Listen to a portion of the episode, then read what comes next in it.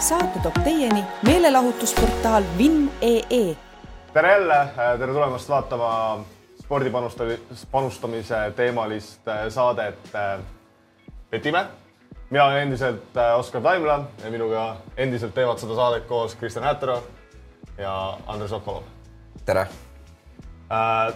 kuidas siis äh, vahepealne nädal on läinud, et äh, nüüd, kus te olete Eesti kõige kuulsamad äh, spordipanustajad, tunne on siis? Overwhelming, postkast on kirju täis ja, ja ausalt öeldes ei julge, ei ole jõudnud kirju läbi, läbi lugeda veel. Andre, kuidas sul lood on? jah, et proovin ikkagi jalad maa peal hoida peale seda kõike äh, retsi kuulsust, aga õnneks Eesti inimene on piisavalt tagasihoidlik, et äh, saan veel äh, Selveris oma pirukaid osta, ilma et keegi mind tülitama tuleks, ehk siis praegu on veel okei okay ja tegelikult ma enda poolt äh, tahakski tänada kõiki, kõiki inimesi, kes meile on kirjutanud äh,, tagasisidet andnud äh,. Neid inimesi on olnud äh, üllatavalt palju äh,, tagasiside on olnud üllatavalt äh, positiivne. et, et suur aitäh teile äh,. selline tagasiside kindlasti nagu motiveerib ka, ka meid kolme seda, seda saadet äh, äh edasi tegema. aga, aga ma arvan, et lähme siis ilma, ilma pikema jututa äh, esimese rubriigiga. panustamise abc tänases panustamise abc rubriigis räägime me äh, kahest asjast, kahest võib-olla mitte niivõrd äh, seksikast äh, asjast, aga, aga siiski kahest asjast, mis on ülimalt olulised, kui, kui te soovite olla pikas perspektiivis kasumlik spordipanustaja ja, ja need, need asjad on bankroll management ja bet tracking. Bankroll management kindlasti kõigi lemmikteema, millest te kindlasti kõik tahavad rääkida ja kuulata, ilmselgelt mitte, aga siiski nagu ei saa kahjuks äh, üle ega ümber, et äh, et ilma bankroll management'ita ei, ei ole võimalik äh, või vähemalt ilma bankroll management'i põhitõdesi tundmata ei ole võimalik võitvalt spordipanustamisega tegeleda, et Andre, võib-olla sa tahad vaatajatele selgitada, et või anda kiire ülevaade, et, et mis see bankroll management endast kujutab, mis need põhitõed on ja ma ei tea, kuidas, kuidas võib-olla eesti keeles bankroll management'i kohta öelda bankroll management eesti keeles võib-olla saaks nimetada pangarulli haldamiseks äh,. väga ebaseksikas nimi, aga, aga umbes niimoodi ta kõlab äh,. aga põhimõtteliselt bankroll management'i äh, eesmärk on siis äh, ikkagi äh, äh hoida ära seda, et sa panustajana jooksed nulli äh, ja seda sa saad teha äh, erinevatel meetodidel äh,. Bankroll siis ise on äh, Äh, mingisugune rahasumma, mille sa oled eraldanud, äh, mida sa kasutad ainult panustamiseks ja sa oled äh, piisavalt mugav, et sa isegi hullemal juhul kaotad selle raha, et siis ilmselgelt siin tuleb arvesse pidada, et mitte mängida rahaga, mis on sulle nagu päriselt oluline. ja, ja näiteks mina isiklikult ja üldiselt paljud, kes siin töötavad või panustavad alal, soovitavad, et üks panus võiks olla umbes kahe protsendi kaup äh, kanti äh, sinu äh, tervest siis bankrollist ehk siis lihtsa näitena, kui sul on tuhat eurot, siis umbes kakskümmend eurot võib-olla võiks olla algselt sul see üks panus. ja mina isiklikult ähm, see protsentides mõtlemine alati, ma isiklikult võib-olla niimoodi ei ole lähenenud. ma üldiselt olen teinud niimoodi, et ma olen pannud endale paika selle protsendi järgi panustamisühiku mida ma siis kasutan panustamisel. Ähm, ja see siis algselt oli mul näiteks kaks protsenti. Äh, ja siis, kui ma tunnen, et mu bankroll on piisavalt kõrge, äh, kui ma näiteks olen duubeldanud selle, siis ma tõstan oma panustamisühikut näiteks nüüd kahekümne euro pealt neljakümnele või siis, kui mul on väga halvasti läinud, siis ma nagu natuke langetan seda, et maandada oma riske ja jällegi, et vältida seda, et ma lähen nulli. ja ei, selles mõttes, et äh, sa nagu rääkisid, et sa nagu, sa teed seda selleks, et mitte siis jah, nagu nulli minna, kui sul, kui sul nagu on halb seeria, et meie siin kogenud spordipanustajatena võime ka öelda, et et näiteks see, et sa kaotad mingi periood kümme panust järjest äh,. Äh, noh, okei okay,, meil on võib-olla see volüüm või nii-öelda panuste arv on nagu suurem, aga see, et sa kaotad kümme panust äh, järjest, on, ma julgen väita, vähemalt minul isiklikult iga kuu juhtub sellist asja, et see, see ei ole nagu äh, äh midagi erilist, et, et, et sellepärast jah, see on nagu ülimalt oluline, et Kristjan, kuidas sul bankroll management'iga lood on, pead sellest kahe protsendi reeglist kinni ka või? ja kindlasti jah, eriti ütleme, esimesed aastad äh, pidasin väga sellist nii-öelda tugevat piiri. aastatega olen leidnud äh, julgust ja kohti ka, kus kus olen panustanud suuremalt ühe panuse, sest ol- olen näinud sellist väga haruldast kohta, kus, kus on võimalus teenida korraga rohkem ja, ja nii-öelda varasem informatsioon äh, näitab, et need on väga head panused, sest siis sellistel üksikutel juhtudel võib-olla aastas kolm-neli korda, kus sa panustad näiteks äh, nii-öelda kahe ühiku või, või kahe protsendi asemel näiteks viis kuni kümme protsenti isegi. Aga teine, teine teema siis, millest me lubasime rääkida, on, on bet tracking, see on siis äh, oma, oma panuste dokumenteerimine. ja see on nagu ja kõigi, kõik oma kõigi panuste dokumenteerimine ja see on eelkõige siis oluline selleks, et, et, et, et oma, oma tulemusi jälgida äh, ja, ja seda teha nagu ausalt, ilma endale valetamata. Äh, oma panus, oma panuseid sa peaksid dokumenteerima ja, ja nende tulemusi mõõtma äh, nii-öelda siis äh, ROIs äh,, mis on siis lühend ingliskeelsest väljendist äh, return of äh, investment. Äh, ehk eesti keeles siis äh, investeeringu äh,, investeeringu tootlus, et äh, et Andre, võib-olla äkki sa näit-, tood näite, et kui näiteks meil vaataja hakkab nüüd täna oma, tänasest oma panuseid kuskil Excelis äh, äh, dokumenteerima, et kuidas ta seda ROI-d võiks äh,, äh, võiks endale a- arutada? Äh, jah, et ma siin toon selle Paavo näite ja siin, kui saaks seda natuke suuremaks, et seda oleks ekraanil natuke paremini näha ja üks hetk, Andre. Siis Paavo näitel, kui me nüüd lähme äh, viimasele sinna tulemuste reale, siis äh, Paavo oli äh, korra segan vahele, et see on siis nagu meie panustaja Paavo, kes dokumenteerib samamoodi neid panuseid ja tema teeb seda siis nagu Excelis. jah, ja siin äh, me näeme, et äh, need valemid on juba kõik nagu valmis tehtud, aga seal täiesti lõpus on ROI kirjas, mis on praegu sada kuuskümmend protsenti.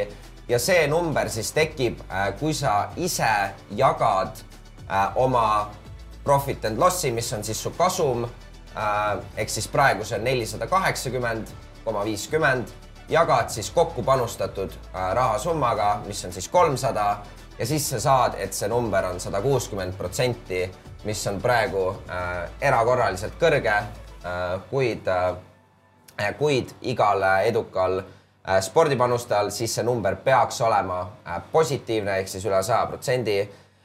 ning äh, teine viis, kuidas siis seda ROI-d arvutada, on siis äh, flat stake ROI, mida siin ekraanil ei ole, aga põhimõtteliselt, kui me nüüd jagasime äh, oma kasumi äh, kõik kokku panustatud äh, summaga, siis äh, flat stake äh, on põhimõtteliselt, kui sa paneksid kõikidele oma panustele täpselt identse panuse suuruse äh, ja see protsess toimib siis täpselt samamoodi äh, et sa jagad oma kasumi siis selle panusta- äh,, kokku panustatud summaga. Ja mis see aitab sul siis on aru saada, et kui sina nüüd äh, varieerud oma panuste suurustega, kui sa arvad, et sa oled enesekindlam teatud kohtades äh,, siis kui nüüd äh, tegelikult tuleb hoopis välja, et kui sa paneksid sama palju kõikidele asjadele, siis sinu äh, panustamis äh, nii-öelda suurustes on mingisugune viga sees ja sa peaksid nagu täpselt nagu analüüsima, et äh, võib-olla kohad, kus sa oled nagu liigselt enesekindel, ei ole nii head.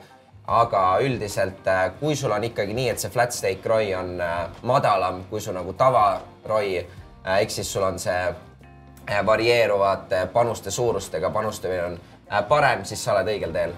Ja et üldiselt see, see panuste dokumenteerimine aitabki sul nagu, nagu Andres seletas, nagu aru saada, et millistes kohtades sa võib-olla tahaksid äh, rohkem ühikuid panustada ja millistes kohtades vähem, et ma toon võib-olla äh, sellise näite, et oletame, et sa teed aastas sadu äh, jalgpalli, jalgpallipanuseid, on ju, ja siis aasta lõpus sa siis teed kokkuvõtte nendest panustest ja siis sa võib-olla märkad, et, et, et, et näiteks sul on rohkem kui sada panust tehtud äh, Inglise Premier League'i peale ja, ja siis sa näed, et, et, et selles liigas sa, sa oled, sa oled kaotav mängija, kuigi sa võib-olla üleüldiselt oled võitlev mängija.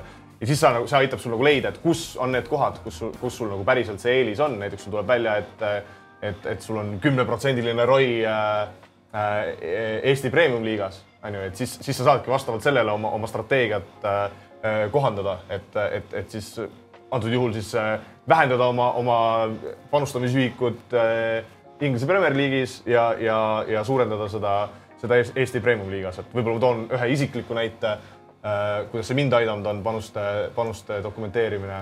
Et äh, näiteks ma isiklikult väga aktiivselt äh, panustan äh, NBA mängijate turge siis kui palju mingi mängija viska, viskab punkte, võtab lauapalle, kui palju resultatiivseid sööte ja, ja ma tegin aastas äh, väga, väga, väga, väga, väga palju pette.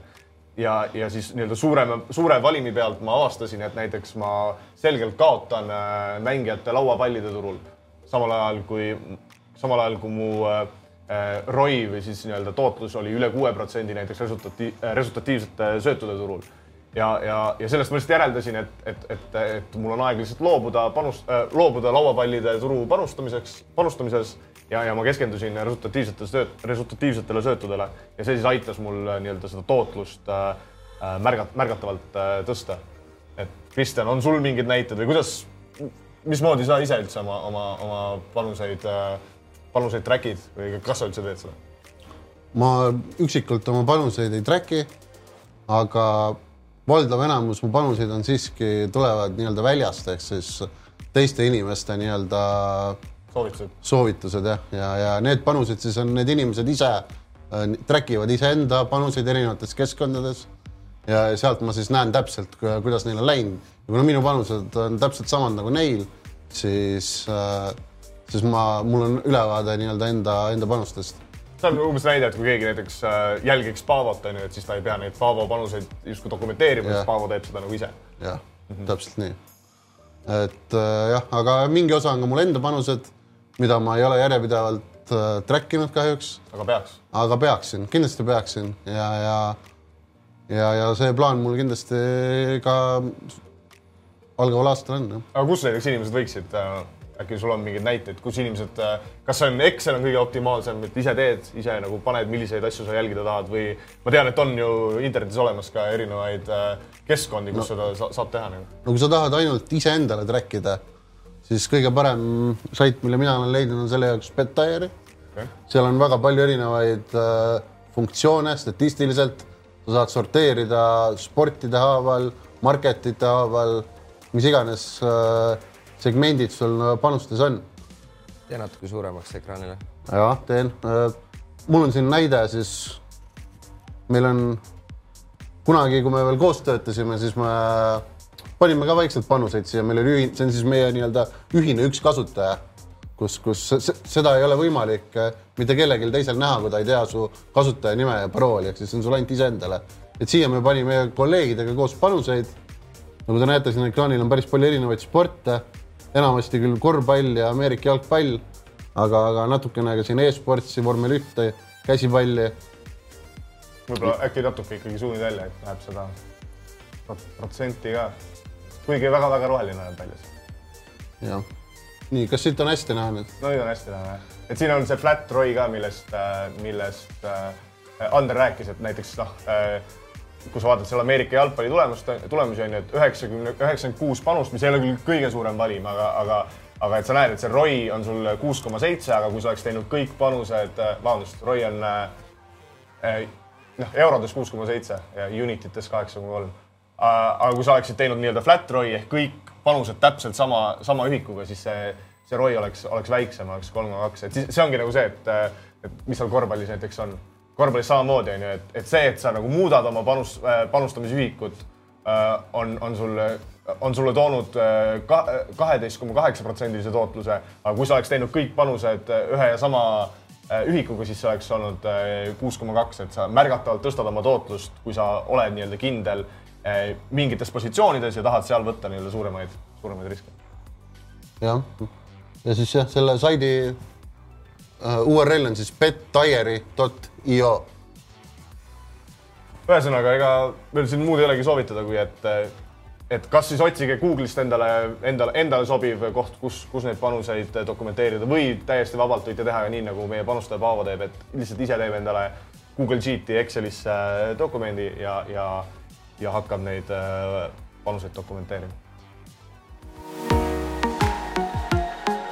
tulevased spordisündmused no nii, aga on, on jälle aeg võtta, võtta ette algavad spordisündmused, et kui me eelmine, eelmine nädal rääkisime Inglise Premier League'ist, siis, siis see nädal võiks rääkida Eesti Premium äh, et äh, näiteks sel, sel, sel nädalavahetusel kohtuvad äh, tabeli liider Levadia ja tabeli kolmas Tallinna Kalev, et äkki Kristjan, paned, paned Olipetis ette koefitsiendid ette, et, et kui me vaatame jah, selles mängus näiteks Tallinna Kalevi äh, koefitsient on lausa üheksa koma seitse ehk siis justkui kihlvekontorid justkui nagu ei hinda, et Tallinna Kalev võiks olla nii-öelda äh, rea-, et see reaalsus võiks olla see, et Tallinna Kalev on Eesti paremuselt äh, kolmas jalgpalliklubi, et näiteks jah, viimatine uudis on see, et vist ühe mängu juba on teinud ka, et Ragnar Klavan, Eesti läbi aegade parim jalgpallur, ühines Tallinna Kaleviga, et kui ma, kui ma, praegu nendele koefitsientidele peale vaatan, siis mul on tunne, et, et, et kihlveokontorid justkui ei ole nagu väga suuri muudatusi oma, oma hinnangus Tallinna Kalevi suhtes teinud, et Kristjan, mis, mis sina näiteks arvad, et kas, kas Ragnar Klavani sugune mängija äh,, kui, kui ta ühineb Tallinna Kaleviga, kas see peaks tooma suuri muutusi koefitsientides ja, ja milline ta mõju võib-olla üldse edaspidi Tallinna Kalevile võiks, võiks olla? no esiteks me, ma ei oska hinnatagi, millised need otsid võiksid olla ilma Klavanita siin. selle jaoks ma peaks olema tõeline ekspert Eesti jalgpalliliigas, mida ma kahjuks ei ole. aga üleüldiselt ma julgen väita, et äh, kui teda ei mängiks, siis need otsid oleks natuke kõrgemad, väga vähe, võib-olla kümme, võib-olla üksteist. aga jah, sest jalgpallis üldiselt üks mängija ei mõjuta otsi nii palju kui paljudes teistes meeskonnasportides nagu korvpallis või võrkpallis. Eriti kui tegemist on äh, keskkaitsjaga ja, ja kes ei ole siin äh, aasta algusest saadik äh, professionaalsel tasemel mänginud ja, ja on nüüd siin vaid mõned nädalad täiskoormusega Kalevi, Kalevis mänginud. et jah, minu silmis on see positiivne Tallinna Kalevi jaoks, aga mitte väga nii-öelda. suure mõjuga siis äh, koefitsientidele. jah aga sa arvad, et Klaav on äh, sellises nagu, nagu ta, nagu ta tuli, onju, et vana ta on kolmekümne seitsme aastane.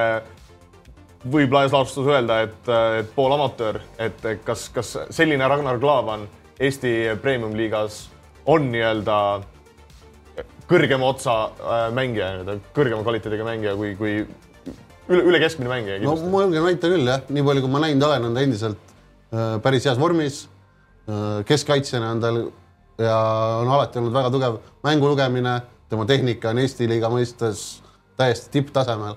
et ma olen täiesti kindel, et ta mängib selle taseme seal julgelt välja ja, ja ma arvan, et võib-olla tema nii-öelda see liitumine ja reaalselt mängudes osalemine annab ka seal väga noorele Tallinna Kalevi meeskonnale inspiratsiooni ja sellist äh, nii-öelda äh, saab, ta saab oma mängutarkust jagada teistega. ega, ega kolm, kolmkümmend seitse ei ole ka nüüd mingi uskumatu, uskumatu vanus. Aga okei okay,, kui, kui me siin nagu äh, äh, ei, ei, ei leidnud nagu, et oleks, oleks mingisugust väärtuskohta, siis äh,, siis näiteks kui me jälgime Tartu, Tammeka ja Pärnu äh, mängu kus siis Tartu on kerge favoriit, et, et võib-olla, võib-olla Pärnu ja, ja Tallinna Kalev on selles mõttes nagu sarnases seisus, et nad mõlemad on äh, nii-öelda punktide poolest jagavad kolmandat kohta koos äh, Paide ja Kaljuga. et, äh, et no mõlemad, nii Tallinna Kalev kui Pärnu on teinud siis väga hea hooaja äh, esimese poole, onju. et aga kihlveokontorid justkui nagu ei anna neile respekti selle eest, et võib-olla üks indikaator on kindlasti see, et, et kui, kui tabeliseisu vaadata, siis, siis nii, nii Pärnul kui, kui kui Tallinna Kalevil väravate vahe on miinuses, et, et see võib justkui olla nagu üks, üks argument, aga sellegipoolest ma näiteks olen rääkinud äh, äh, mu sõpruskonnas on nii-öelda väga tulihingelisi Eesti jalgpallihuvilisi, kes tõesti väga süvitsi Eesti jalgpalli äh, jälgivad ja, ja, ja nendega nii-öelda arutades äh, on mulle nagu kõlama jäänud, et nemad siiski nagu arvaksid, et selles mängus äh, peaks olema äh, Pärnu äh, favoriit, aga nagu, kui me nagu Kuulbetis vaatame, siis me näeme, et jah, Tartu odds on kaks nelikümmend kuus Äh, Pärnu odds kaks viiskümmend üheksa, et, et justkui informatsioon, mis mina olen saanud, selle põhjal ma justkui nagu võib-olla natuke kipuks äh, Pärnut panustama, aga nagu, nagu, nagu sa, Kristjan, ütlesid, et, et, et keegi meist või kui siis Andre, et aga, aga üldiselt ei ole väga suured Eesti jalgpalli äh, spetsialistid, et Andre, ma ei tea, sul vast see teadmine Eesti jalgpallist on kõige, kõige kõrgem, et mida sa arvad, kas Pärnu kaks viiskümmend üheksa võiks olla mingi asi, mida, mida, mida sihtida?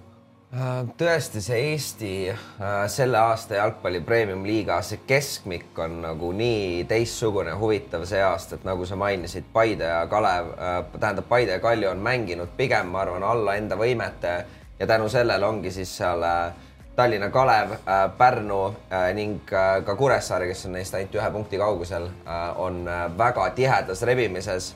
Ja selle mängu koefitsiendid siis tõesti, et äh, Tartu Tammeka peaks olema eelviimane liigas ja päris selgelt nagu isegi maas Pärnust Tartu Tammeka on olnud vigastustega kimpus äh, ja hiljuti ka nende äh, kapten ja pikaajaline Eesti koondise mängija Taio Tõniste sai väga raske vigasse. see on üsna värske uudis ka, et see vist äh. Paar päeva tagasi tuli ja, ja, ja, ja ma nagu jälgisin äh, nii-öelda hindu, et nagu hinnad justkui ei reageerinud sellisele uudisele. et see on võib-olla natuke sama, mida, mida Kristjan ütles, on ju, et üks mängija nii palju nagu ei mõjuta, aga siiski nagu me ei saa nagu alahinnata tenniste olulisust äh, Tammekal. kindlasti jah, et äh, ta on ikkagi meeskonna kapten ja võib-olla kui mitte mänguväljakul, siis kindlasti riietusruumis see on nagu äh, kõva pauk äh,. aga jah, et äh, mul endal isiklikult äh, puudub panus selles mängus äh,, kuigi äh, siin see Pärnu Ootsi, nagu sa mainisid, see tundub nagu huvitav koht, siis ma nagu ise ei ole, ei oleks nagu piisavalt kindel, et seda veel panustada ja ja praegune turu liikumine on olnud ka pigem selline, et see ei ole nagu liikunud, nagu sa ka enne mainisid, mis siis tähendab, et ka võib-olla ka nii paljud teised ei arva seda. nagu sa ütlesid, et sa seda Pärnut ei panustanud äh,, siin on äh, meil on Flora ja Harju mäng ja kui sa, Andrei, ise võtad pea eest ära, siis meil on ka Kuressaare mängib Nõmme Kaljuga, et on sul siis, on sul üldse mõni panus äh, äh, selleks äh,, selleks Premium-liiga voorus? jah, mul äh, üks panus on ja kui me võtame nüüd selle Kalju ja Kuressaare mängu lahti, kes on,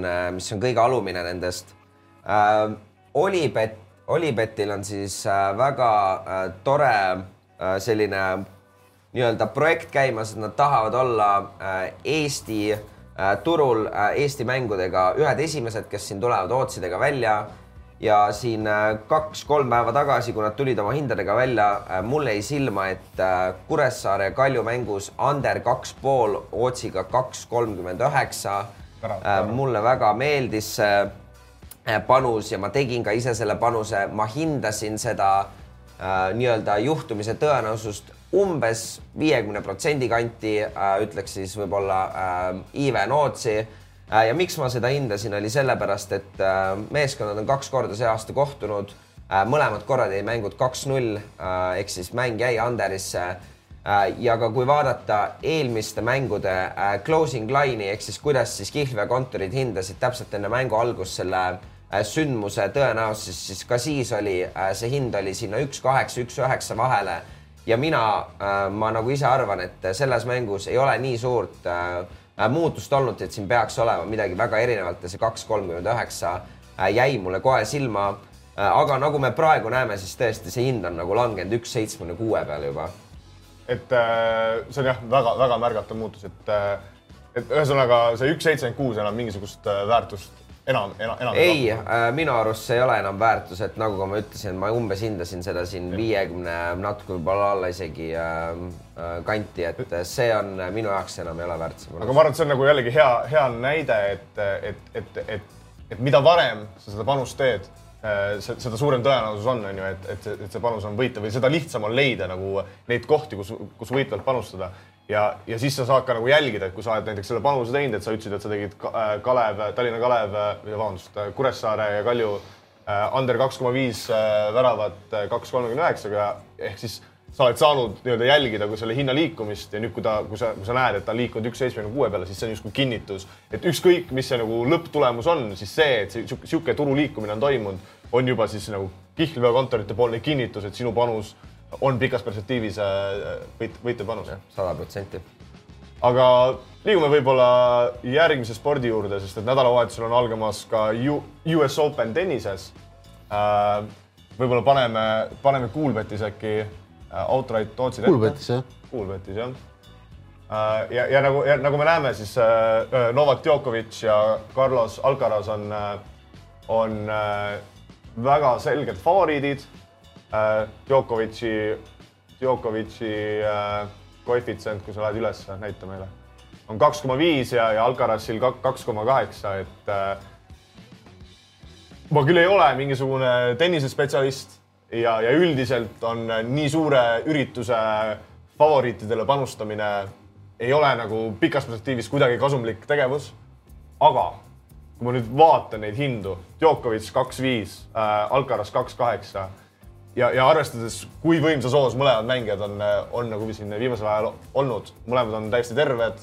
Mm, äh, ühesõnaga, mul tekib nagu inimlikult küsimus, et äh, kas siin üldse kellelgi teisel nagu äh, varianti on, et äh, mina esimese hooga justkui nagu ja, ja ma, ma nagu annan endale mõista, et, et, et see, see kõlab üsna, üsna jaburalt, aga esimese hooga ma justkui tahaks panustada nii Djokovic'i kui Alcarazi võitu et oletame, panen mõlemale sada eurot ja siis, siis mu payout on kas siis kakssada viiskümmend või kaheksakümmend, kakssada kaheksakümmend ehk siis kasum on kas viiskümmend või kaheksakümmend eurot. ja mul on nagu väga raske näha, et keegi, keegi teine neist kahest võiks, võiks US Openi äh, äh, võitjaks tulla, et äh, et kas kõlab see väga jaburalt, Andre?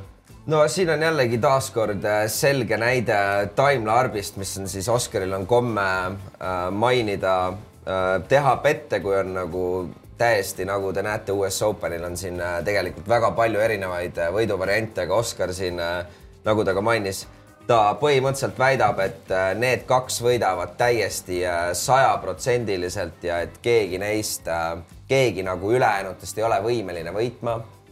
Äh, ja kui me nüüd selle Oscari väite siin paneks natukene ka nii-öelda protsentidesse või oodsidesse, et näha, mis see nagu äh, kujutada endast võiks, siis äh, Novak Djokovic'i kaks koma viis odds, see siis on äh, nelikümmend protsenti tõenäosus, et see juhtub. Äkki Kristjan näitad? ja kui Kristjan võtab siin äh, internetist äh, igale ühele kättesaadavalt äh, odds konverteri lahti, mis on siis äh,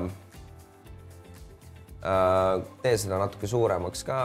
Vabandust, jah, ja siis äh, nagu me siin näeme, et äh, ühesõnaga, seal nagu internetist on võimalik leida kalkulaatorid, et sa paned selle hinna nii-öelda kalkulaatorisse ja ta annab sulle siis selle, selle kihlveokontori implied probability, mis on siis nagu tõenäosus koos marginiga. jah, täpselt ja nüüd, kui me paneme siia näiteks Djokovic'i otsi, mis oli kaks koma viis, siis äh, see implied probability on siis nelikümmend protsenti ja kui me nüüd äh, liidame sellele äh, Alcarase äh, oma siis, kui sa paned äh, decimal otsi nüüd kaks koma kaheksa, siis see on kolmkümmend kuus protsenti ümardatult, siis me saame, et see on kokku seitsekümmend kuus protsenti äh, ja siis äh, pane see sinna see seitsekümmend kuus protsenti.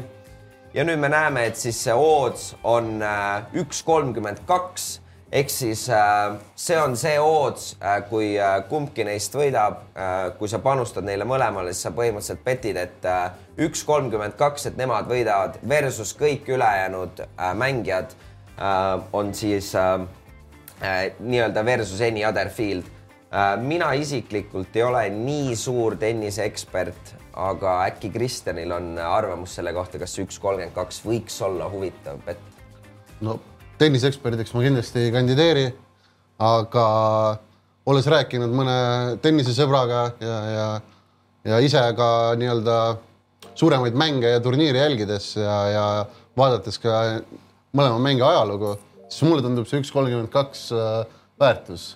kui siis Kuulbet nii-öelda hindab seda võimalust seitsmekümne kuue protsendi lisaks, siis mina ütleks, et see jääb rohkem sinna kaheksakümne viie, kaheksakümne kaheksa protsendi juurde, et Kuulbet tegelikult isegi, kui sa võtad selle margini arvesse, onju, et siis Kuulbeti enda arvamus on isegi veel madalam Jah. kui, kui see seitsekümmend kuus ja protsenti. see, mis on muidugi huvitav, on veel see, et Kuulbet on nii-öelda mõlema mängija puhul Eesti turul äh, kõige kõrgema koefitsiendiga. see on suhteliselt haruldane.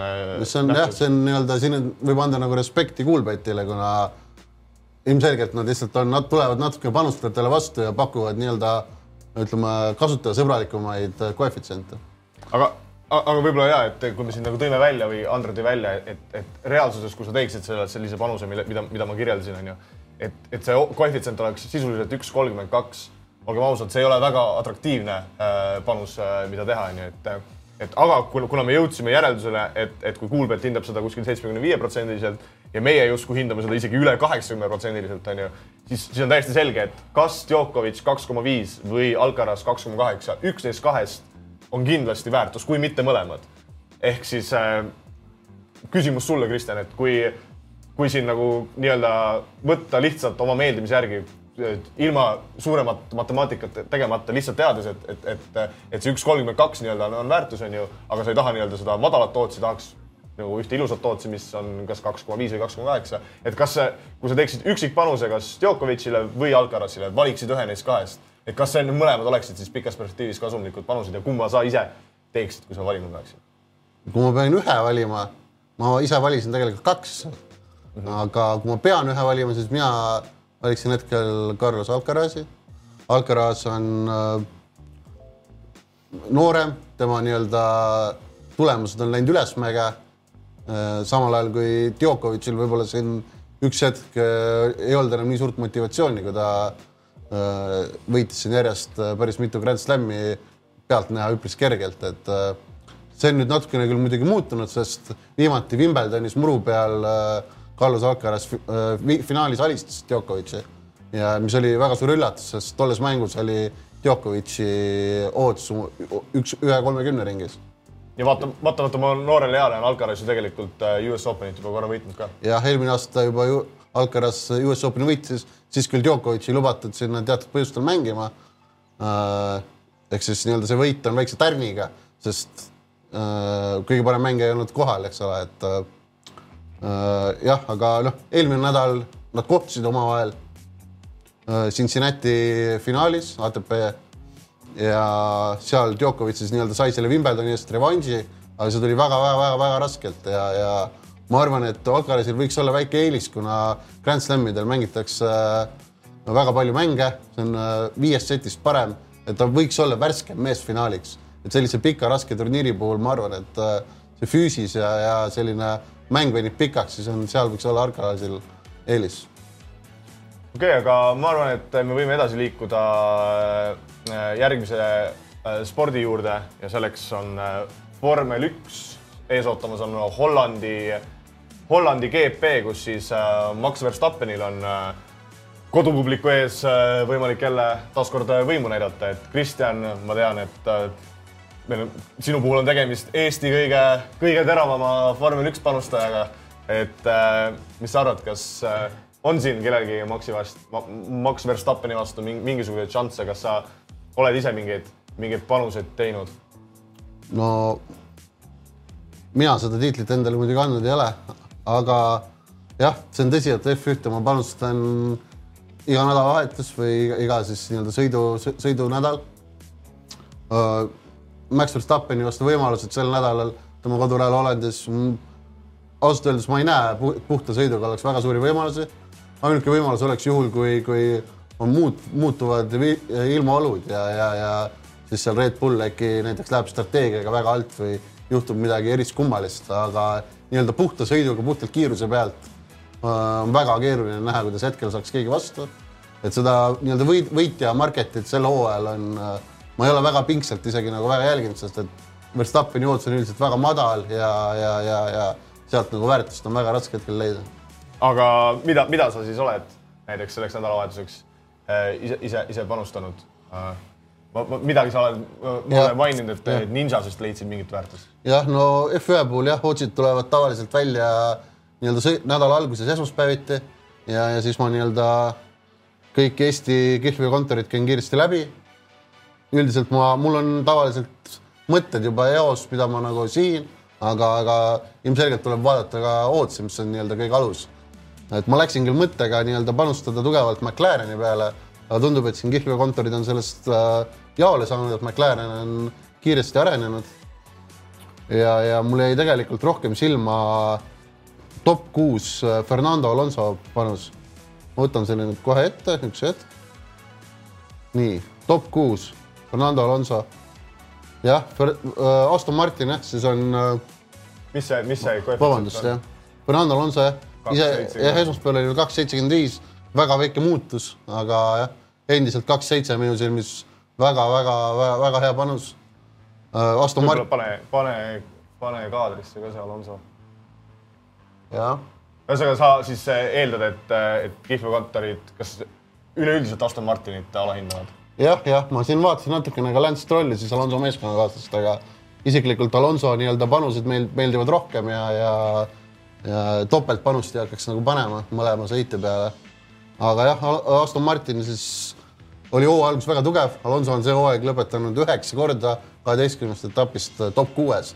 Ehk siis juba matemaatiliselt see on nagu seitsekümmend viis protsenti, eks ole, et see nagu ei klapi selle otsiga absoluutselt tulemuste järgi. kaksteist sõitu ei ole muidugi suur sämpel ja F1-s sõidult sõidule asjad muutuvad, aga e, e, jah, ja siis Ootsi ongi siis nii-öelda just viimaste sõitude pealt kus Aston Martin on nii-öelda võrreldes teiste autodega järgi andnud. kas eelmine sõit mitte muidu Alonso ei olnud top kuues ka? ta oli top viies, aga seal oli ka, oli katkestajaid ja oli erinevaid nii-öelda muutujaid seal, et kui oleks olnud nii-öelda puhta puhas sõit, siis ta ilmselt ei oleks top viite saanud.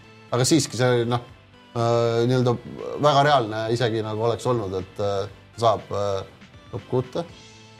okei okay., aga kui sa ütled Ninjas on see kaks seitse, oled sa nagu mujal ka vaadanud, on see nagu ainult Ninjas selline hind saadaval või, või mis, mis, mis üldse nagu sa mainisid, sa käid kõik nii-öelda turud läbi, et kui stabiilne on äh, Formula ühes erinevate Eestis saadaval olevate kihlveokontorite hinnad, et ma isiklikult olen nagu märganud, et päris, päris kõikuvaid hindu. no ma ei ole nii, nii, nii nõus, et F1 on üldiselt päris tugev, et või noh, paljud ikkagi nagu teistel spordialadel kopeerivad üksteist, et see on väga tavaline praktika ja, ja, ja ei julgeta nii-öelda arvamust võtta.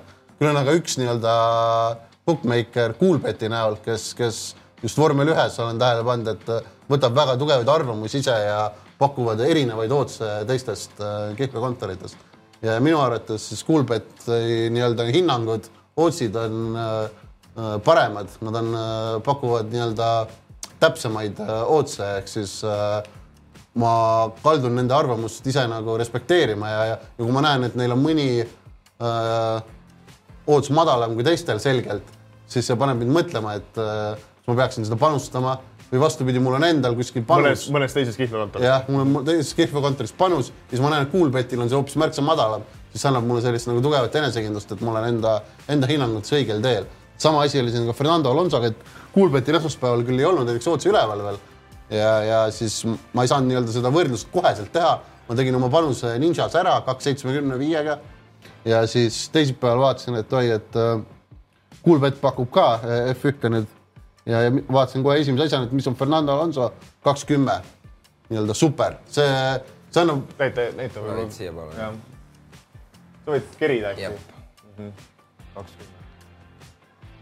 jah, Fernando Alonso kakskümmend, see on, see on siis et suhteliselt äh, märgatav äh, vahe, aga, aga kas sa nagu, kui sa ütled, et, et äh, Coolbeti nii-öelda positsioonid on üldiselt ülejäänud turust nagu paremad, et kas sa siis nagu äh,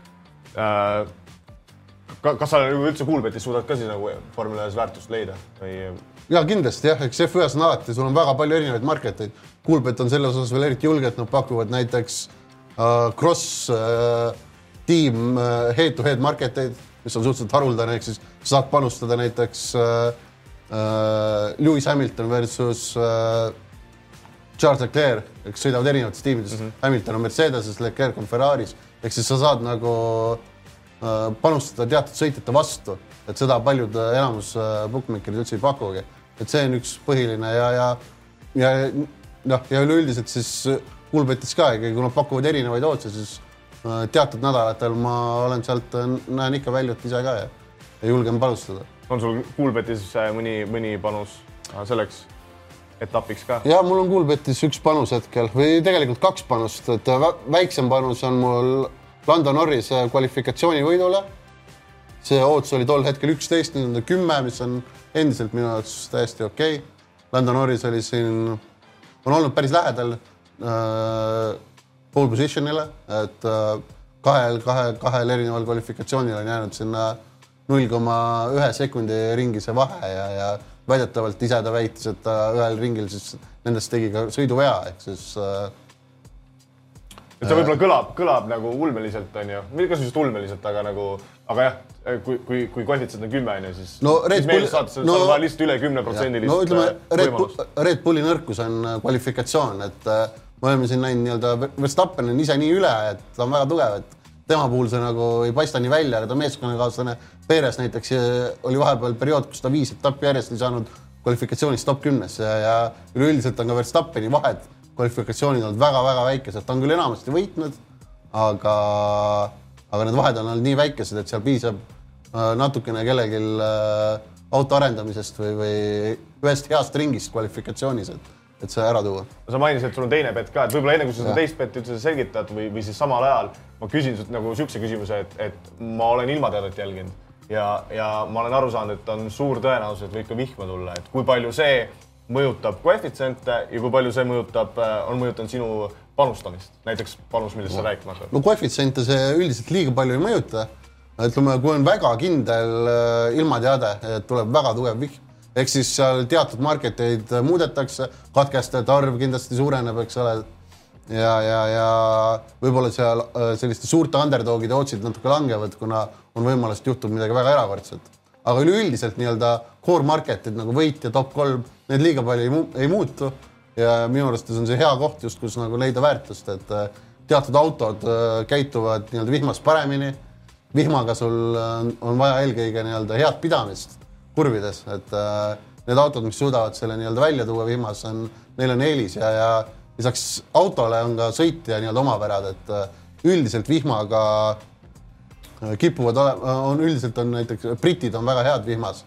Nad on noortest peale kardis vihmaga sõitnud, Inglismaal saab märgatavalt rohkem vihma kui siin näiteks ütleme Hispaanias või, või äh, Prantsusmaal, eks ole, et äh, just Lando Norris, Lewis Hamilton, George Russell, kõik on näidanud ennast suurepäraste vihmasõitjatena versus näiteks äh, Sergio Perez, kellel on üldiselt väga raske olnud vihmaga oled Et-, oled sa kedagi neist panustanud ka? jah, sellelt tuleneb, no mitte ainult sellest, aga ütleme üleüldiselt kõik, kõik, mis mina olen arvanud, on kokku viinud selle, et ma arvan, et, et McLaren ja Lando Norris on sel etapil paremuselt äh, teine auto. ja, ja see top kolme hind kaks kuuskümmend on väga ahvatlev, et äh, ma isiklikult jah, panu-, hindaksin seda kuskil neljakümne viie protsendise tõenäosusega, et äh, et see oli nagu kindel beti koht, et ma ise tegelikult panustasin seda kaks seitsmekümne viiega juba nädala alguses ja, ja, ja aga endiselt kaks koma kuus on minu arust endiselt väga-väga-väga hea koht. ja, ja, ja ka kui te olete meie Betime Facebooki grupi liikmed, siis võib-olla olete näinud, et ka panustaja Paavo nõustub selle seisukohaga ja tegelikult see, seesama hind peaks olema saadaval ka see Lando Norris top kolm kaks kuuega peaks olema saadaval ka Pufis, Unibetis, no account betis. aga okei okay,, nii palju Formula ühest, ma arvan, et äh, liigume viimase, viimase spordi juurde, millest me täna räägime. ja selleks on võrkpall ja meil on, istub siin stuudios ka üks suur võrkpalliekspert, kes muidugi nüüd siin keskendunud on vist rohkem naiste võrkpallile, mida, mida me puudutanud ei ole. aga, aga kuna Eesti, Eesti koondis langes, langes äh, naiste võrkpalli finaalturniiril konkurentsist välja, siis võib-olla keskendume algavale meeste võrkpalli EM-finaalturniirile, kus siis äh, võib-olla pane koefitsiendid äh, ette, et äh, mis, kes seal, kes seal suur favoriit on, ma tean, et Poola on väga suur favoriit, jah Äh, kaks on lausa äh, koefitsient, et võib-olla jah, meil siin äkki ei olegi nagu äh, nendest Pooladest, Itaaliatest siin nagu väga palju tarka rääkida ja võib-olla inimesi nagu liiga palju ei huvita ka, et võib-olla huvitavam on rääkida Eesti koondisest, kes siis osaleb äh, äh, nagu näete, kaks tuhat kahe, kaks tuhat viissada üks on ootus, et äh, Eesti tuleb Euroopa meistriks, et äh, võib-olla seda ei soovita panustada, aga, aga ja, et rääk- rääkida Eesti, Eesti koondisest selles võtmes, et äh, et esiteks on juba seitsmes finaalturniir, kus nad osalevad. viies järjestikune. ülikõva saavutus nagu absoluutselt, aga, aga nagu äh, finaalturniiridel mingit suuremat tulemust ei ole õnnestunud teha, et äh, Andre, et kuidas sa nagu hindad äh, Eesti võrkpallikoondise äh, võimalusi näiteks alagrupist edasi saada, kus on kuuene alagrupp ja peab ne nelja hulka äh, mahtumiseks, et edasi saada, et äh, kas need võimalused on kõrgemad, kõrgemad või madalamad, kui nad on võib-olla viimased turniirid olnud? Ähm, praegust äh, siin hiljuti äh, siis äh, tuli välja Eesti äh, lõplik koosseis, kes äh, kaasa võetakse ja äh, vähemalt pealtnägemise pealt äh, tahaks öelda, et äh, kõik mehed on olemas ja mängukõlblikud äh,, kes on praegusel hetkel parimad äh,, siis ilmselgelt põhimees nendest on Robert Täht, kes on siis väga tihti vigastatud olnud koondise eest viimastel aastatel ja näiteks ka siis Euroopa meistrivõistlustel kaks tuhat kakskümmend üks, mis toimusid Eestis, et oli ka ta seal vigastustega kimpus. Meie mõlemad äh, diagonaalründajatest pommitajad äh, Oliver Venno ja Rene Teppan on olemas. Äh, ning ka äh, ma isiklikult arvan, et äh, positsioon, kus me läksime lati alt läbi äh, Eestis toimunud äh, Euroopa meistrivõistlustel äh, sidemängijatena äh, Renet Vankeri näol on nüüd äh, olemas, ta on nüüd mänginud äh, äh, Belgias äh,, kui ma ei eksi, siis kaks aastat on saanud vajalikku mängukogemust. äh, ning ma usun, et äh, Äh, üldiselt Eesti tervikuna on okeis seisus, viimased kontrollkohtumised. me võitsime kaks korda järjest Ukrainat, kes äh, peaks olema seal äh, Euroopa top kümne läve peal äh, rankingute järgi. äh, ning äh, ma olen äh, pigem positiivselt äh, ootan seda turniiri, aga kui me nüüd näiteks võtaks äh, kolm kuus viiel on ka alagrupi äh, otsid äh,, siis äh, kiirelt ka üle kellega Eesti üldse alagrupis on äh,. alagrupp siis äh, äh, A on meil ja ütleks, et Eestil on küllaltki raske alagrupp. Itaalia, kes on siis äh, teine favoriit, üks äh, valitsev, nad on tiitlikaitsjad, hirmkõvad vastased. Serbia samuti väga-väga tugev äh, vastane ja pigem ütleks, et Eestil nende vastu suuremat lootust seal ei ole kui me nüüd siis liigume edasi, siis Saksamaa on pandud kolmandaks favoriidiks. esimesed otsid isegi siin olid juba väljas Saksamaa vastu, kus Eesti tõenäosust võiduks hinnati umbes kümne protsendi kanti, ehk siis see ots jäi sinna üheksakümne kanti. Saksamaa paremal päeval arvaks, et on mängitav, aga pigem on ka raske ja tegelikult ikkagi see Eesti alagrupi edasipääsemine oleneb sellest, kuidas me suudame Belgia ja Šveitsiga mängida. Belgia on ka ikkagi, ma arvan, üle meist natukene praegusel hetkel, nad on teinud viimastel aastatel tugevaid arengusamme ja e, aga nad on mängitavad vastased Eesti, eestlaste vastu ikkagi ja siis alagrupi äh, no Šveitsi, Šveits on nagu selline võistkond, keda Šveits on ikkagi, kui me räägime siin alagrupist edasipääsemisest, Šveits on kindlasti meeskond, keda me peame võitma ja ma arvan, et me ka selles mängus oleme favoriidid ja. see muidugi ei pruugi palju tähendada, kui me mõtleme eelmisele finaalturniirile, siis kodusele finaalturniirile, siis suutsime Läti vastu komistada, kes ma ei tea, kas Šveitsi saab võrrelda Läti tasemega ma arvan, et uh, Läti on ikkagi nõrgem isegi neist uh, veel ja siin tervitused Aavo Keelele, kes tegi meile vingerpussi ja, ja suutis meie kodu, koduväljakul Saku Suurhallis kaks aastat tagasi meid kohe nagu näpistada. aga kui nüüd rääkides sellest alagrupist, siis Kristjan, mis sa arvad, et mis see edasipääsu võimalus Eestil võiks olla? jah, kui me näiteks hindaks seda nagu numbriliselt, et, et ma kolm kuus viies või üldse äh, turul ei ole nagu seda koefitsienti veel välja pandud, et mis Eesti alagrupist edasipääsemise koefitsient võiks olla, et äh, äkki huvitav mõttekäik meile, proovime ise siis selle numbri välja, välja, välja mõelda, et mis mis see koefitsient võiks olla, et Eesti saab alagrupist edasi? no mina, kui sa mult seda numbrit küsid, siis mina alustasin sellest, et äh, kes on meie põhikonkurendid edasipääsule. kui me äh, vaatame otse, siis Itaalia-Serbia mängud on sellised, kus äh, nende otsid saavad olema üks-null üks ehk siis nii-öelda üheksakümmend üheksa protsenti kuni sada protsenti, üheksakümmend üheksa koma üheksa, eks ole. et me saame sisuliselt nemad nii-öelda sellest matemaatilisest tehtest eemaldada. jäävad nagu siis neli tiimi ja kaks edasipääsu kohta, Saksamaa, Belgia, Eesti, Šveits ja, ja vaadates siin ka esimeses mängus Saksamaa otse, kus, mis on juba äh, bookmakerite poolt väljas no nagu äh, Andrei mainis, et Eestil on circa kümne protsendi. jah, circa kümneprotsendiline võimalus, ehk siis noh väga,, väga-väga-väga-väga ebatõenäoline, et Eesti näiteks Saksamaalt võidab või, või teenib sealt äh, punkti. et see on tõenäolisem on see, et Eesti kaotab Saksamaale, tähendab, et ühesõnaga Eestil on väiksem võimalus võita Saksamaad kui Šveitsil meid. ja kindlasti jah, et äh, mina siis nii-öelda alustaksin seda ootust sellest, et kuna see sisuliselt selle Saksamaa on ka nii-öelda eeldame, et saab edasi, väga suur võimalus, jääbki üks edasipääsu koht ja see on kolme tiimi vahel ja eeldame, Šveits on eeldatavalt nõrgem, siis edasipääsu koht mängitakse just Belgia ja Eesti mängus välja. ja, ja siin tulemusi analüüsides, sõprusmängudes, võib-olla siin natukene ka varasemaid aastaid, siis, siis võib eeldada, et Eesti ootus seal mängus oleks umbes kolme ringis äh, sisuliselt äh, tähendab seda, et ka edasipääs võiks, võiks olla kolme ringis, kui see oleks nii-öelda üks mäng, mis otsustab, aga see ei ole. tegelikult on ka võimalus, et näiteks me kaotame Šveitsile mm, -hmm. me ei saa seda võimalust välistada. ja, ja siis see nii-öelda vähendab Eesti võimalusi edasi pääseda, sest et äh, nii-öelda võimalus võita kedagi, tõusta sealt viiendalt kohalt või vabandust, siis nii-öelda neljandalt kohalt veel kolmandaks omakorda. me peaksime, me peaksime võitma Saksamaad, see on sisuliselt olematu, aga samas me võime langeda kuuendaks mm -hmm. ehk siis äh, nii-öelda sellest kolmesest Rootsist ma tõmbaksin veel seda tõenäosust alla, on see, mis on võimalus, et me Šveitsile kaotame. see võimalus on ilmselt kuskil kolmekümne protsendi ringis, siis sa saad selle kolmkümmend protsenti veel lisada nii-öelda sellele kolmesele otsile, eks üks kolmkümmend kolm, eks ole. et siis nii-öelda Eesti edasipääs, mina nagu arvutaksin, et see jääb kuhugi sinna nelja, nelja, viiekümne kanti. et, et äh, ütleme jah, et äh, pakuksin, et bookmaker'id oma margin'i lisavad juurde nii-öelda sellele tõenäosusele ehk siis äh, ma eeldan, et nad tulevad välja umbes neljase otsiga ja, ja, ja, ja seda ma nii-öelda ise panustama ei, ei jookseks võib-olla kiirelt, et meil on siin pikalt oleme rääkinud, et äh, Andre, kui äh, Olipet tuleks välja Oliboostiga, et Eesti alagrupist edasi saamise koefitsient oleks neli koma viis, kas panustaksid?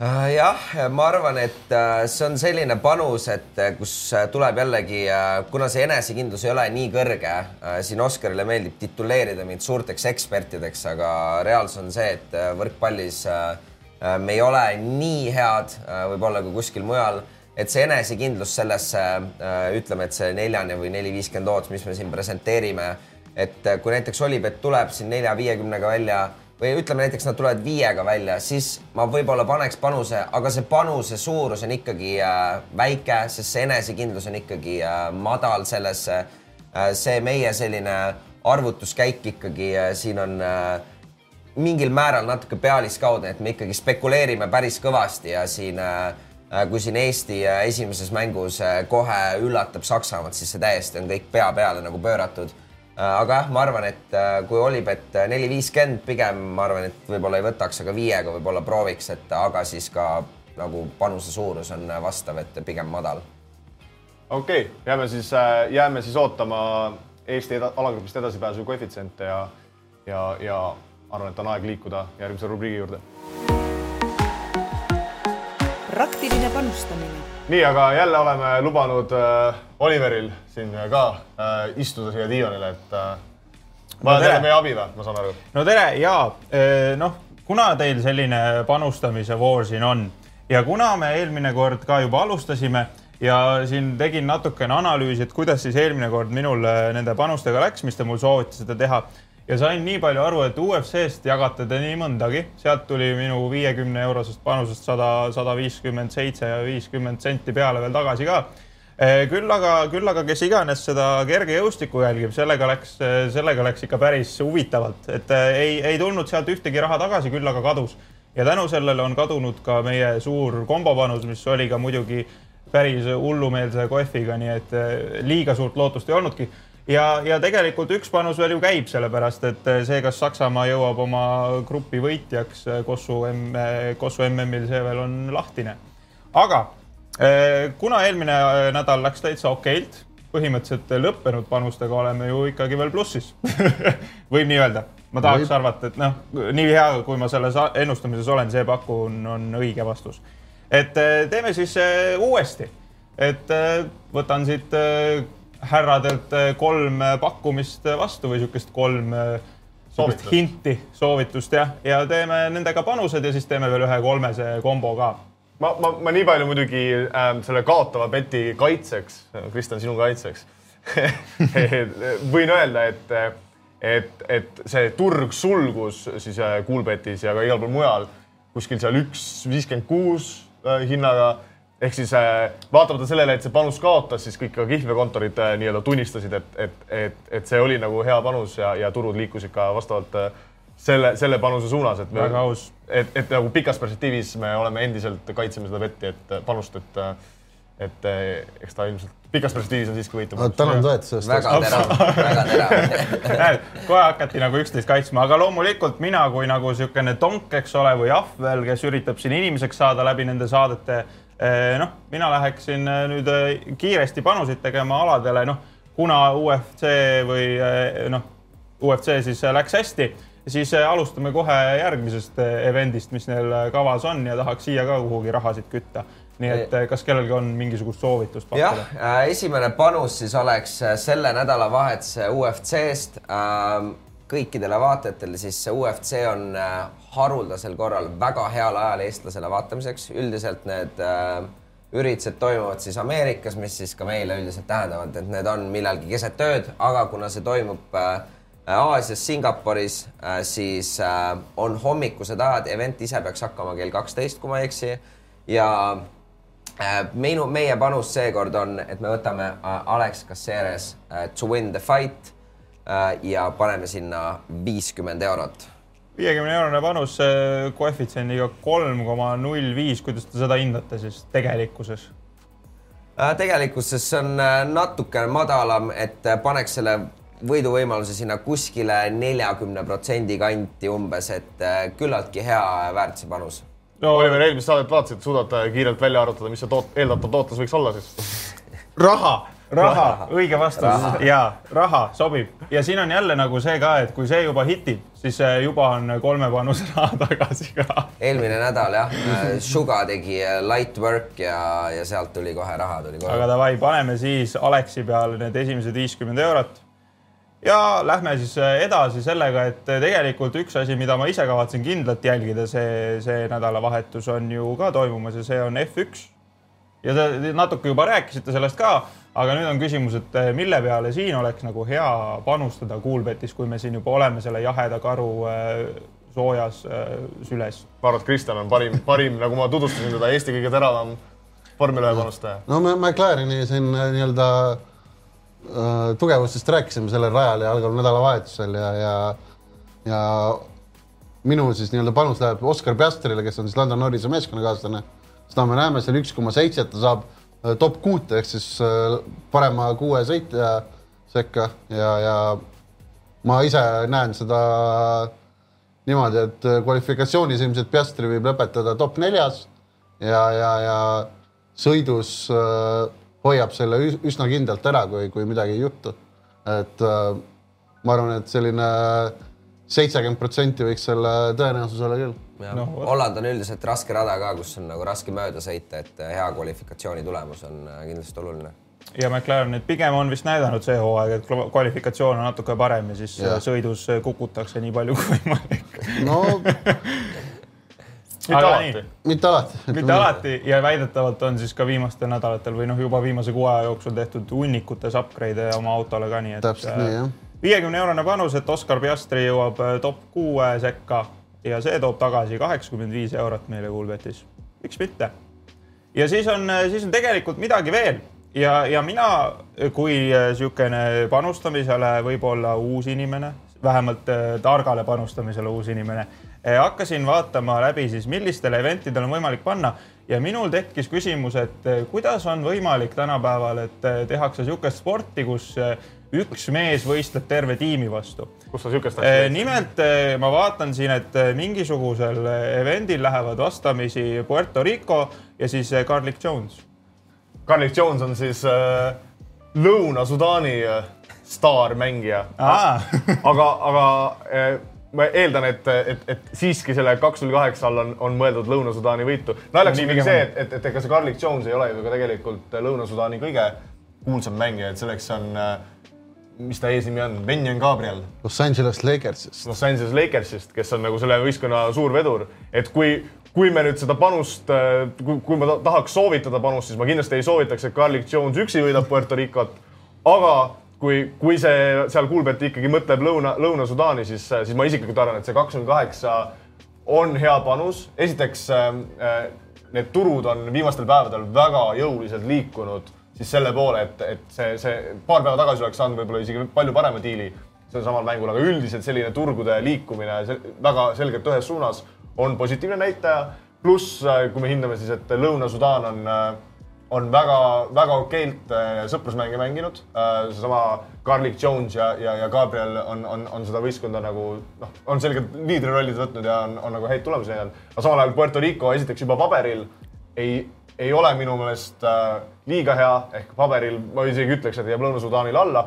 pluss äh, nad on väga kehvasti äh, sõprusmänge mänginud, et, et, et jah, sa pead nüüd, see on nüüd teadlik risk, et kas, et kui Garlic Jones nüüd üksi tuleb pla- platsile, et siis see panus on halb, aga kui seda selle all siiski peat- peetakse Lõuna-Sudaani silmas, siis ma julgen soovitada sul sinna panustada. no pigem nii on ja see kindlasti ei ole nagu isegi nagu arvestades, milliseid kalasid on nähtud maailmas, siis see on ilmselt üks nendest väiksematest.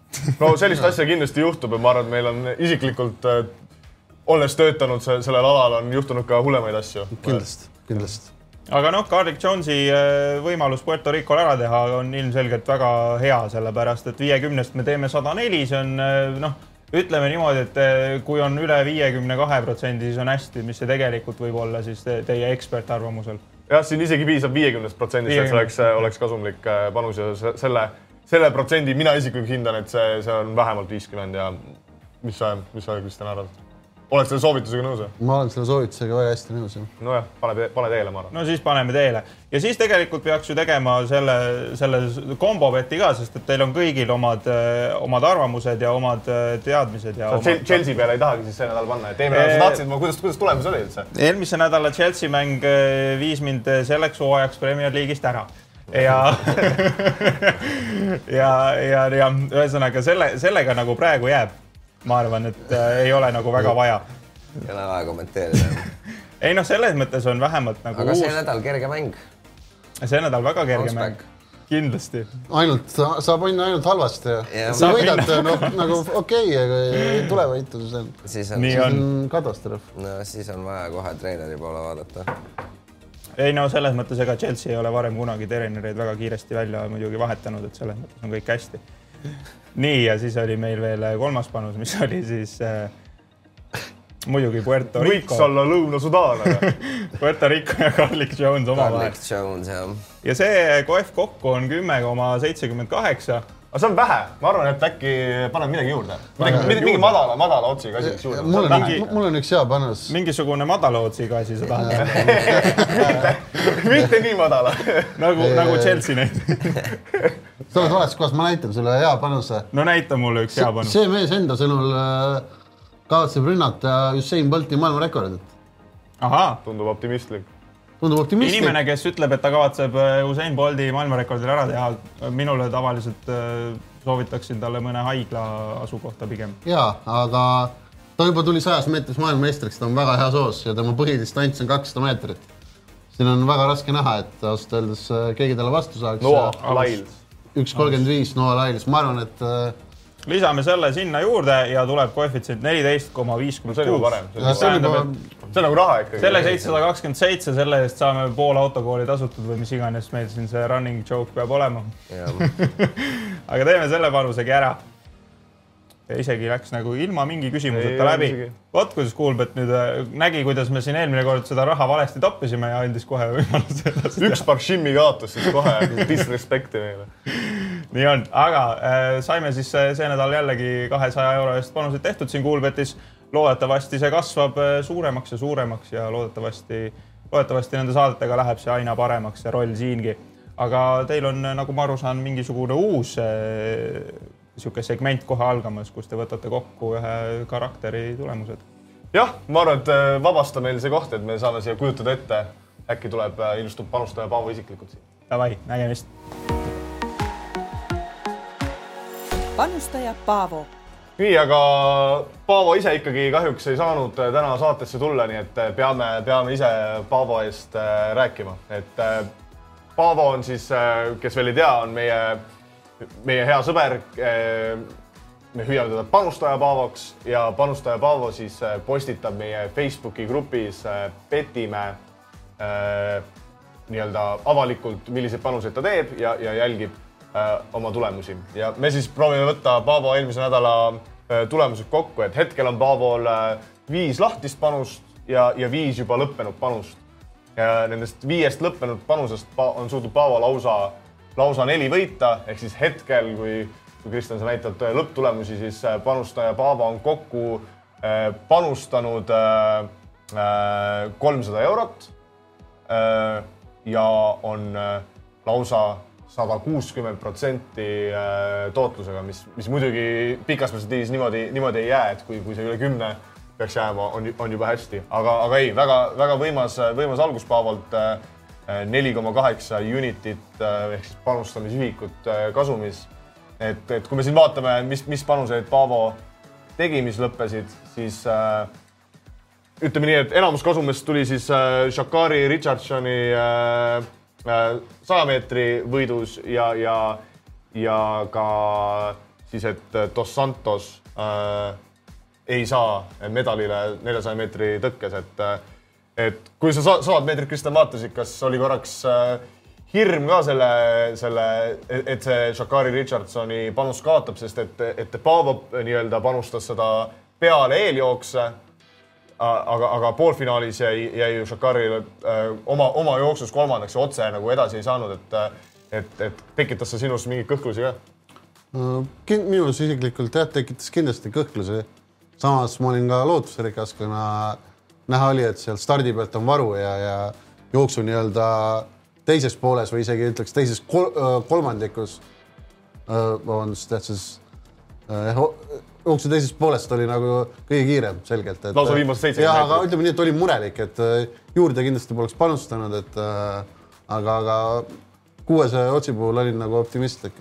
pigem ei tasu Paavos kahelda, et ma tean, et, et näiteks Dos Santose panus neli kakskümmend viis ootsiga, mis, mis tuli ära, et Andre, sina kas ei usaldanud Paavot, ma tean, et sa ise ei teinud seda panust ei, usaldan Paavat ikkagi väga kõvasti, aga täpselt äh, tol ajal olin ise, vaatasin äh, võrkpalli, olin äh, Saku Suurhallis Eesti neiude viimast mängu vaatamas ja jäin sellest panusest ilma.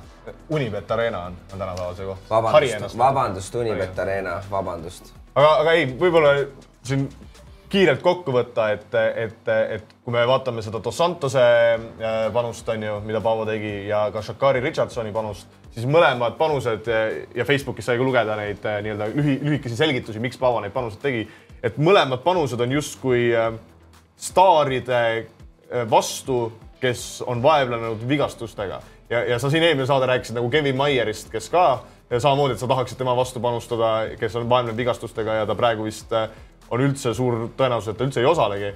et kas võib üldiselt öelda, et siis kergejõustikus on võitev strateegia see, et, et sa panustad nimekate nimekate võistlejate vastu, mm. kellel on probleeme vigastustega. jah, no ma arvan, see on väga olen, eks alati, alati oleneb, kuidas bookmaker'id tõlgendavad seda vigastust, aga kui nad nagu nii sinu arvates seda piisavalt arvesse ei võta, siis see on väga hea strateegia. hea näide on ka võib-olla eelmine aasta, kus äh, maailmarekordi omanik ja ala täielik ainuvalitseja, kui ma ei eksi, siis ta ei kaotanud vist kaks või kolm aastat ühtegi jooksu. Karsten Warhol tuli MM-ile siis pikalt vigastuspausilt ja, ja lõpuks finaalis tal jaksu ei jätkunud ja jäi lausa seitsmendaks. et, et suhteliselt sarnane stsenaarium siis Dos Santodele sellel aastal. aga ja, eh, ühesõnaga Paavo on äh, alustanud oma teekonda väga-väga lennukalt ja, ja kui te tahate kaasa elada äh, Paavo teekonnale, siis äh,, siis äh, ühinege meie, meie Facebooki grupp äh, kommuuniga Petimäe ja, ja seal Äh, Paavo neid, äh, neid panuseid jagab ja, ja proovib edaspidi ilmselt hakata jagama neid ka siis äh, WinTV Discordis, nii et, nii et jah, tulge ja, ja elage Paavole kaasa. küsimus. nii, aga eelmine nädal lubasime me siis anda välja Eesti-Rootsi jalgpallimängu piletid kõige huvitavama küsimuse eest. Tuleb muidugi tõdeda, et see Eesti-Rootsi jalgpall vist väga palju inimesi ei ei kõneta, et äh, nagu, nagu, nagu sind ja mind onju, et äh, Andre, ma ei tea, teinekord mõtleme siis mingi parema auhinna välja, aga mõned küsimused siiski tulid ja, ja, ja võib-olla siis kõige rohkem elevust tekitas küsimus äh, Discordis, kus siis kasutaja Box Stakes väitis, et, Stakes väitis, et, et discgolf pole sport ja et, et miks, miks Kihla kontorid seda üldse pakuvad, et teeme, lööme selle küsimuse siis kaheks, et kas Discord äh,, mis Discord, discgolf äh, on sport äh,. mina isiklikult arvan või olen üldiselt nõus, et eks ta üks tilulilu sport ole. et kas niisugust sporti saab tõsiselt võtta, kus medaleid, medaleid jagatakse Eesti, Soome ja Ameerika vahel ja keegi teine kuskil seda põhimõtteliselt ei mängigi. ja teine küsimus on mul, et, et kas ma isiklikult elan neljandal korrusel, et kui ma iga kord äh, kodus koju, koju minnes trepist üles kõndides saan suurema füüsilise koormuse kui discgolfi mängides, et äh, ma ei tea, no väga tõsiselt võetav sport ju ei ole või mis te arvate? no ma ei tea, eks see on üpris sarnane paljudele teistele nii-öelda aladele, mida kutsutakse ka spordiks. et see on. nagu näiteks? Me oleme no, ise siin no, Discordis mainitud. no kõik pubi, kõik mängud nii-öelda, mis on snuuker, tarts, bowling äh,, tavaline golf, eks ole, et äh, no need on mängud, eks ole, et need on nagu osavuse keskendumise peale nagu püss, püssi raskmine, olümpiaala. minu jaoks need ei ole spordid, aga, aga eks see üks maitse asi ole ja noh, samamoodi on see on nagu jah, veits nagu e-sports, noh, ütleme, et on, see on mäng. No näiteks see. see on nagu mäng lihtsalt, ütleme, kui sa ütled, et korvpall on ka mäng, siis korvpall on sportmäng nagu. ma nagu tõmban ise seal nagu sellise joone vahele, et on nagu sportmängud ja siis on lihtsalt mängud. Need on nagu lihtsalt mängud ja, ja, ja noh, kui sa nii-öelda nii ütled, et nad võistlevad, et see on sport, siis jah, tegelikult on iga asi sport, eks ole. see hot dogi söömine võib olla sport ja, ja, ja ma ei tea, noh, näkku peeretamise sa võid ka spordiks teha, et et jah, see on nagu, kus sa selle piiri tõmbad. no ja siin on eks mainitud, et eh, kas nüüd siin EM-tiitli äh, valguses ja nüüd on maailmameistrivõistlused tulemas, kus Kristin Tatar on seal väga suur favoriit äh,. et kas Kristin Tatar võiks justkui olla Eesti aasta naissportlane siis võib-olla lühidalt vastates, Andre, ei või jaa? Uh, mina olen pigem alati soovinud, et Eesti aasta sportlased saavad auhinna, kes tegelevad olümpialadega, et uh, meil on siin olnud uh, aastate jooksul erinevaid kandidaate, kes siis tegeleb mingisuguste um, orienteerumistega või mingisugused vee Ilu, ilu,, jah. veespordid, et uh, minu arvates uh, nendel aladel on see Äh, noh, see võiks olla ikkagi olümpiaala ja et need on nagu äh, rohkem on seda, rohkem võistlejaid on tänu sellele ja minu jaoks see nagu mängib nagu suuremat rolli. aga kui me siin selle Box Takesi küsimuse teist poolt nagu äh, hindame, et miks spordi äh,, spordi või kihlveokontorid endiselt äh, neid äh, võtavad panuseid niisugustele asjadele, siis see on nagu väga teretulnud, et äh, ma arvan, et meile kõigile on nagu fun on selliseid äh, erinevaid asju panustada, mis kõik ei peagi sport olema, näiteks poliitikat on, on väga huvitav panustada, mis, mis, mis. No Oskar on ju jah, väga suur meil Eesti Laulu Eurovisiooni petja, et see on äh, noh, kihlveokontorid pakuvad, see on nii olenevalt, mis sul nagu äh, lubatakse nagu pakkuda, aga see nagu siin on Eesti otsib superstaari on nagu pakutud ja nagu noh. see on, see on fun ja seal on võimalik nagu ka et väärtust neid leida. selliseid spetsialeid on nagu ikkagi kihlveokontorites No, no, nagu väga palju no eks seal nende sellistel aladel on muidugi limiidid alati väga väikesed et selles mõttes ta mingit suurt erutust ei tekita, aga pigem ta ongi selline for fun, for fun jah. no see on täiesti respekteeritav. jah, ma, ma ka pigem, pigem kiidan. nii et äh, Box Takes äh, sulle kuuluvad siis need äh, väärtusetud äh, Eesti-Rootsi jalgpallimängu piletid, et äh, võtame sinuga ise Discordis ühendust. võib-olla kiirelt äh, veel ära mainida, et üks, üks vaatajakiri on veel, mida või vaatajaküsimus on, mida me tahaks mainida, mille saatis meile Janek Tallinnast. Aga see eh, küsimus oli niivõrd halb, et me seda siin ette ei hakka lugema ja peame nagu lihtsalt eraldi ära mainima, et mingit auhinda sa, sa ka ei saa, aga äh, proovi uuesti, saada meile uuesti kiri, sina, Janek Tallinnast ja kõik teised vaatajad ja Kristjan, kuhu, kuhu, kuhu inimesed võiks meile küsimusi saata? Nad võiks saata meile küsimusi kas äh, Facebooki kommuuni petime või meie emaili aadressile petimepodcast at gmail.com või Discordi. või Discordi. või Discord. aga, aga ega siis midagi, et Andre, kui sul äh, mingit suurt lõpustatement'i ei ole, siis ma panen äh, saate põrki. ei, minul ka ei ole, tervitaks ka siit Janekut Tallinnast omalt poolt veel ja sellega ma arvan, et võib. saate lõpetada. nägemist